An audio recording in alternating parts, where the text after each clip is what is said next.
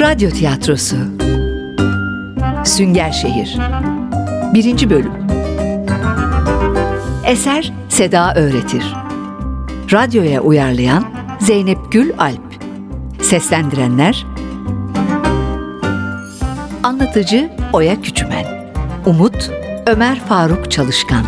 Deniz Yaman Tümen. Leyi Özgür Deniz Demirel. Maya Çağla Işık. Ece Zeynep Aktan Sabri Öğretmen Umut Aksoy Meltem Hanım Şeyma Ayık Reşat Bey Bora Seçkin Efektör Cengiz Saral Ses Teknisini Nurhak Dal Yönetmen Aziz Acar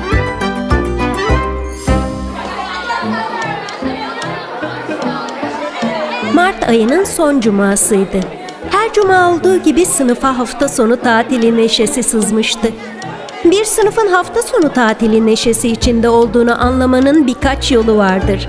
Öğretmenin her zamankinden yumuşak olması, sınıfın çalışkan öğrencilerinin bile şakalaşıp gülmesi ve kimsenin rahatsız olmadığı bir miktar gürültü. Bu üçünün de coşkuyla yaşandığı bir anda o tatlı gürültünün içinden birden Sabri öğretmenin sesi yükseldi. Son 48 saat çocuklar. Bundan sonra benden ek süre talep etmeyin. Ödevini hala teslim etmeyen gruplar için pazartesi son gün. Sabri öğretmen son cümlesinin son kelimesini söylediğinde gülüşmeler ve şakalaşmalar bıçak gibi kesildi. Öğrencilerin çoğu ödevini hazırlamamıştı. Sınıftaki sessizliği fırsat bilen öğretmen kapıdan çıkarken ekledi. Yumurta kapıya dayanmadan harekete geçmeyi hala öğrenemediniz. Öğretmenin çıkmasıyla sınıfta homurtular yükseldi. Çocukların çoğu söylenmeye devam ederken aralarından ikisi fırlayıp koridorda koşmaya başladı. Öğretmenim, öğretmenim bir dakika bekler misiniz? Sabri öğretmene yetişmeye çalışan çocuklar Umut ve Deniz'di. İkisi de nefes nefese kalmıştı. Umut atıldı. Öğretmenim, ödevin ders notuna etkisi yüzde kaç olacak? Sabri öğretmen gözlerini devirdi. Aldığı nefesi yüksek sesle geri verdi. Bu ikisi yani göz devirme ve yüksek sesle nefes verme sorudan hoşlanmadığının işaretiydi. Yine de sesine yumuşak bir ton vermeye çalıştı. Çocuklar, ödevi not için yapmanızı istemediğimi kaç kere O söyledim. sırada Ece ve Maya da nasıl olduysa oracıkta bitivermişlerdi. Aha, biz ödevimizi vereli kaç gün oldu? Sizin ne zaman bitirdiğinizi sorun olmadı. Hem önemli olan süre bitmeden en iyi ödev hazırlamak. Öyle değil mi öğretmenim? Sabri öğretmen derslerde birbirleriyle yarışan bu iki grubun daha fazla gerilmesini engellemek istercesine kollarını kocaman açtı. En yararlı fikirleri bulup onları araştırıp geliştiren grup büyük ödülü almaya hak kazanır. Hadi bakalım, iyi hafta sonları çocuklar. Dört çocuk kapının önünde öylece kala kaldı. Öğretmenleri daha önce ödülden söz etmemişti. Tek bildikleri iki kişilik gruplar kurarak okul binasını daha verimli ve işlevsel kullanabilecekleri bir proje hazırlamaları gerektiğiydi. Öğretmenleri konuyla ilgili bir sınırlama koymamıştı. Sadece yaratıcılık istiyorum sizden demişti. Sessizliği bozan Ece oldu. Ödülü kimin alacağı belli. İsterseniz hiç uğraşmayın. Çok güvenmeyin kendinize. Aklımızda süper bir fikir var. Şu kızlar gerçekten de çok ukala. Tamam derslerde çok çalışkan ve çok iyiler. Ama bunu herkesin gözüne sokmalarına hiç gerek yok. Kızlar kol kola girip uzaklaşınca Umut heyecanla denize döndü. Süper bir fikir mi? Desene ödev işi tamam. Söylesene ne geldi aklına? Deniz yanıtlamaktansa gülmeye başladı. Umut o an arkadaşının aklında hiçbir fikir olmadığını anladı. Öf Deniz, beni de inandırdın. Deniz ve Umut başları önde, ayaklarını sürüye sürüye okuldan çıktılar.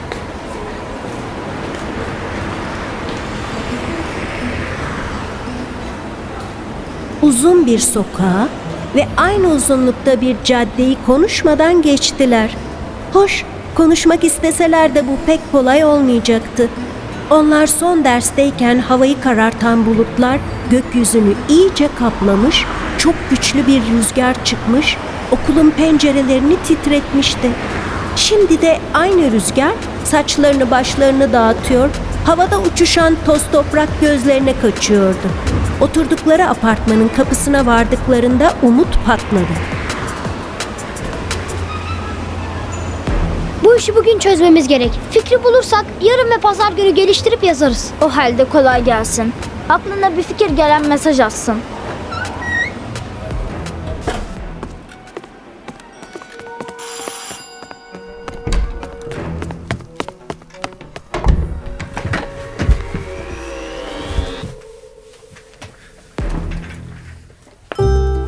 Eve girdiğinde mutfaktan gelen kek kokusu aklını başından aldı.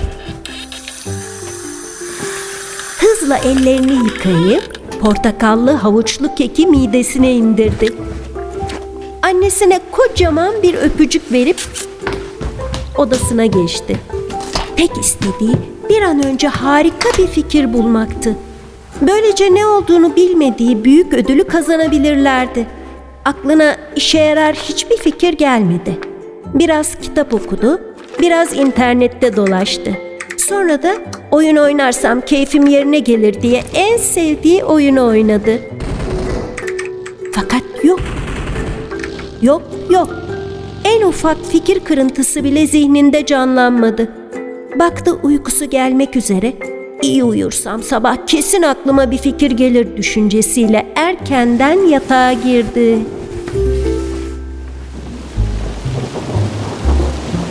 Bütün gece yağmur yağdı. Çatılarda patırtılar, sokaklarda şırıltılar duyuldu. Umut hiç uyanmadıysa beş kere uyandı. Her seferinde hala fikir bulamadım endişesiyle önce saate sonra da pencereden dışarı baktı. Hava karanlık ve her yer çok ıslaktı. Son uyanışında mutfaktan tıkırtılar ve ona eşlik eden fısıltılar da gelince artık sabah olduğundan emin oldu. Paçaları dizlerine kadar kıvrılmış pijamaları ve yarı aralık gözleriyle mutfak kapısında dikildi. Fakat onun bu uykulu halinden daha tuhaf birileri vardı. Annesi ve babası.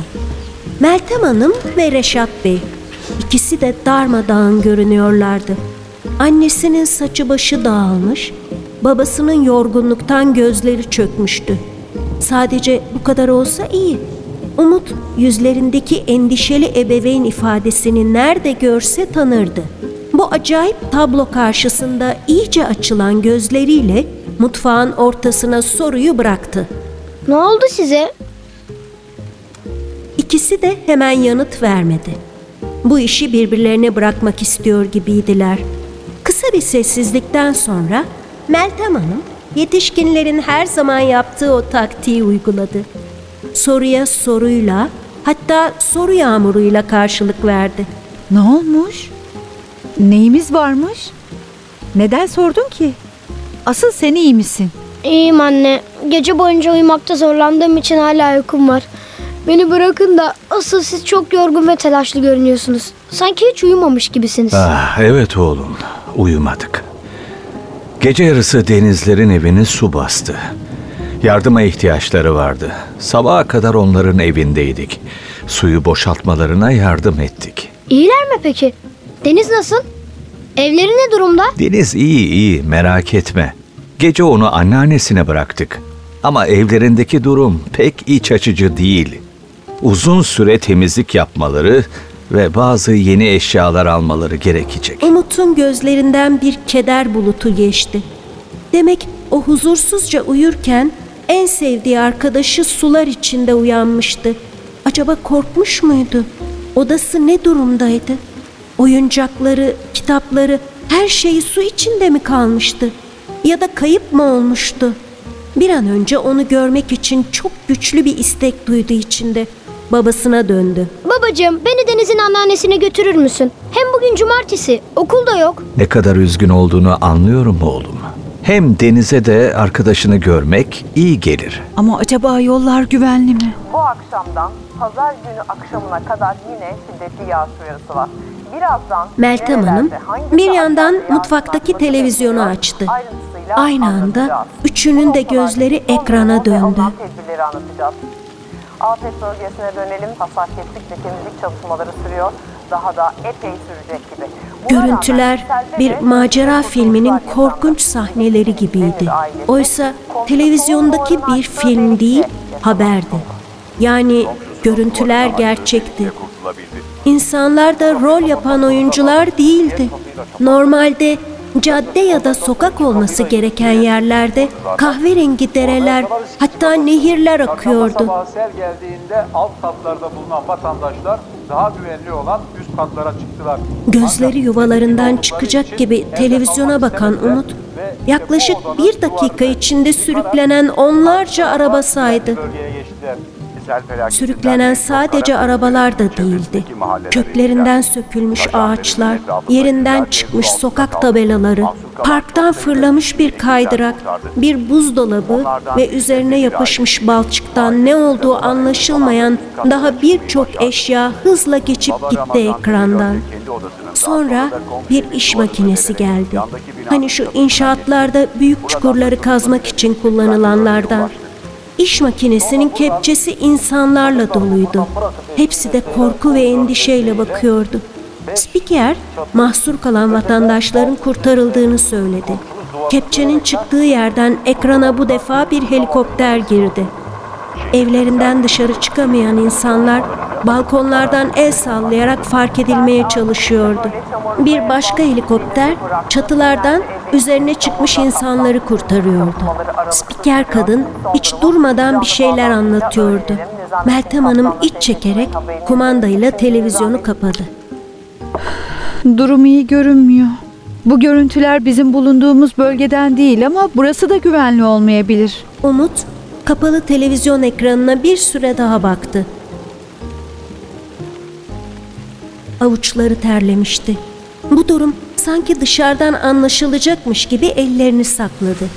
Bu şekilde farkında olmadan bir sağa bir sola sallanmaya başladı. İzlediklerinden etkilenmişti. Denizin yanına gitmeyi hem istiyor hem de bundan korkuyordu. Derken babası Umut'u içinde yüzdüğü kararsızlıktan ve endişeden uzaklaştıracak bir çıkış yaptı. Deniz'in senin desteğine ihtiyacı olduğuna eminim. Arkadaşlar kötü günlerde birbirlerinin yanında olur. Endişeni anlıyorum ama önlemimizi alırsak güven içinde bu işi hallederiz. O halde bir çanta hazırlayalım. İçine kimliklerimizi, suyumuzu, ne olur ne olmaz diye ilk yardım malzemelerini, yedek kıyafetlerimizi koyalım. Ne dersiniz? Harika olur. Hadi o zaman iş bölümü. Umut'un içini karartan, onu sıkıştıran hisler bir anda hafifledi. Anne ve babasının onu asla tehlikeye atmayacaklarını, her zaman her şeyden çok onu düşüneceklerini bilirdi. Reşat Bey telefonla bir yerleri arayıp şehirdeki genel durumu öğrendi. Sonra da komşularından birinin arabasını ödünç istedi. Sonra Umut'a döndü. Her şey tamam. Sen hazırlanmaya başla. Umut derin bir soluk aldı ve odasına fırladı. Pijamalarını çıkardı, eline geçen ilk kıyafetleri giyiverdi. Sırt çantasına en sevdiği kitap olan Endişe Ağacını ve en küçük Lego parçalarıyla tam 10 günde yaptığı gemiyi koydu. Çizmelerini giyerken umarım ayağım büyümemiştir diye düşündü. Neyse ki uzun zamandır giymediği yağmur çizmeleri ayağını sıkmadı. O sırada Reşat Bey de uzun çizmelerini ve yağmurluğunu giymiş, komşularıyla birlikte kapının önündeki dev bir arabaya bir şeyler yüklemeye başlamıştı. Komşularının arabası çok yüksekti. Tekerlekleri de büyüktü. Umut yanlarına yaklaştığında son birkaç saattir yağmayan yağmur yeniden atıştırmaya başladı. Hadi hemen çıkalım. Yağmur yeniden şiddetlenmeden seni arkadaşına kavuşturalım. Umut arabaya neredeyse bir kayaya tırmanır gibi tırmandı. Meltem Hanım hazırladığı çantayı arabanın bagajına yerleştirdi. Ben burada kalıp Deniz'in annesine yardım edeyim. Komşuluk bugünler içindir. Haklısın anneciğim. Herkes zor zamanında arkadaşının yanında olmak ister. O sırada arabanın motoru çalıştı ve Umut'un kalbi de hızla çarpmaya başladı.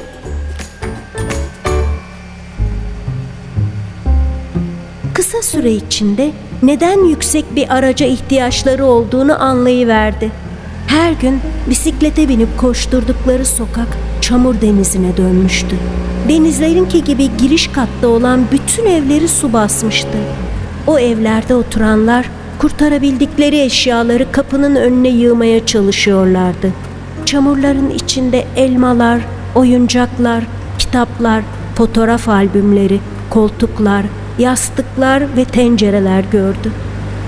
Deniz'in anneannesine vardıklarında apartmanlarının ilk katının da sular içinde kaldığını gördüler. Yaşlılar, gençler, çocuklar ellerinde süpürgeler ve çekçeklerle suyu boşaltmaya çalışıyorlardı. Geçmiş olsun. Kolay gelsin. Geçmiş olsun. Kolay gelsin.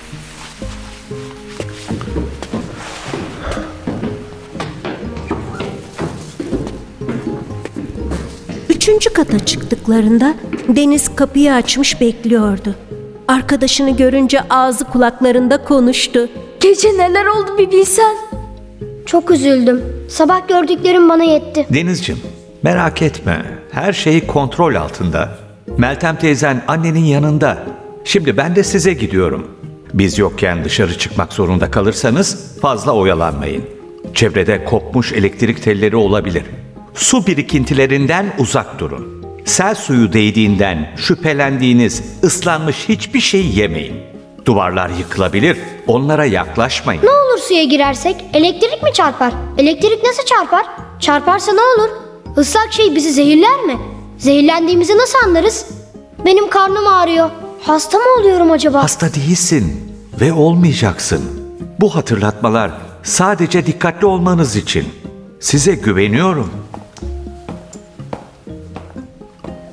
Reşat Bey gittikten hemen sonra aşağıdan gelen sesler arttı. Dikkat kesilince bunun bir çocuk ağlaması olduğu anlaşıldı. Umut ve Deniz çoğu zaman yaptıkları gibi konuşmadan anlaştılar. Bakışarak aşağı inmeye karar verdiler. Merakla alt kata indiklerinde ağlayanın kısa boylu, çekik gözlü bir çocuk olduğunu gördüler. Bir kadın onu teselli etmeye çalışıyordu. Çocuk Umut'la Deniz'i görünce gözyaşlarını saklamaya çalıştı. Kedimiz kayboldu. Umut ve Deniz ne yapacaklarını şaşırmış, öylece kala kalmışlardı. Neden sonra Deniz cebinden bir mendil çıkartıp çocuğa uzattı. Bu yardımı geri çevirmeyen çocuk biraz sakinleşti. O sırada bir kadın farklı bir dilde konuşarak içeri girdi. Deniz ve Umut'un bakışlarından havada uçuşan soru işaretlerini fark eden çocuk gözleri birer çizgi halinde onlara gülümsemeye çalışarak açıkladı. Benim adım Lei. Ben Çinliyim. Harika. En merak ettiğim ülkelerden biridir Çin. Ben Umut bu arada. Ben de Deniz. Ama konuşman yani Türkçen ne kadar da güzel. Nasıl bu kadar iyi Türkçe konuşabiliyorsun? Annemin ve babamın işleri sebebiyle doğduğumdan beri Türkiye'ye sürekli gelip gidiyoruz. Hatta son zamanlarda burada daha uzun kalıyoruz. Çok şanslısın. Sana Çin'le ilgili pek çok soru sorabilirim. Ama bunu sonraya bırakalım. Şimdi kedinizi bulalım. Adım Iva. Siyah tüyleri, boynunda küçük zilli bir tasması var. Merak etme Lee. Onu mutlaka bulacağız. O halde vakit kaybetmeden başlayalım. Yanımıza ekipman alalım. Birkaç dakika sonra uzun çizmeleri, yağmurluğu ve sırt çantasıyla çıktı. Bir elinde fener, diğerinde balıkçıların kullandığı uzun saplı yakalama kepçelerinden vardı. Fener Miva'nın karanlıkta bir yerlerde sıkışmış olma ihtimali için var. Umarım ihtiyacımız olmaz ama babamın balık kepçesini de yanıma aldım. Onu sudan kurtarmamız gerekirse diye. Radyo tiyatrosu Sünger Şehir Eser Seda Öğretir. Radyoya uyarlayan Zeynep Gül Alp. Seslendirenler Anlatıcı Oya Küçümen. Umut Ömer Faruk Çalışkan. Deniz Yaman Tümen. Lei Özgür Deniz Demirel. Maya Çağla Işık. Ece Zeynep Aktan. Sabri Öğretmen Umut Aksoy. Meltem Hanım, Şeyma Ayık. Reşat Bey, Bora Seçkin. Efektör Cengiz Saral. Ses teknisyeni Nurhak Dal. Yönetmen Aziz Acar.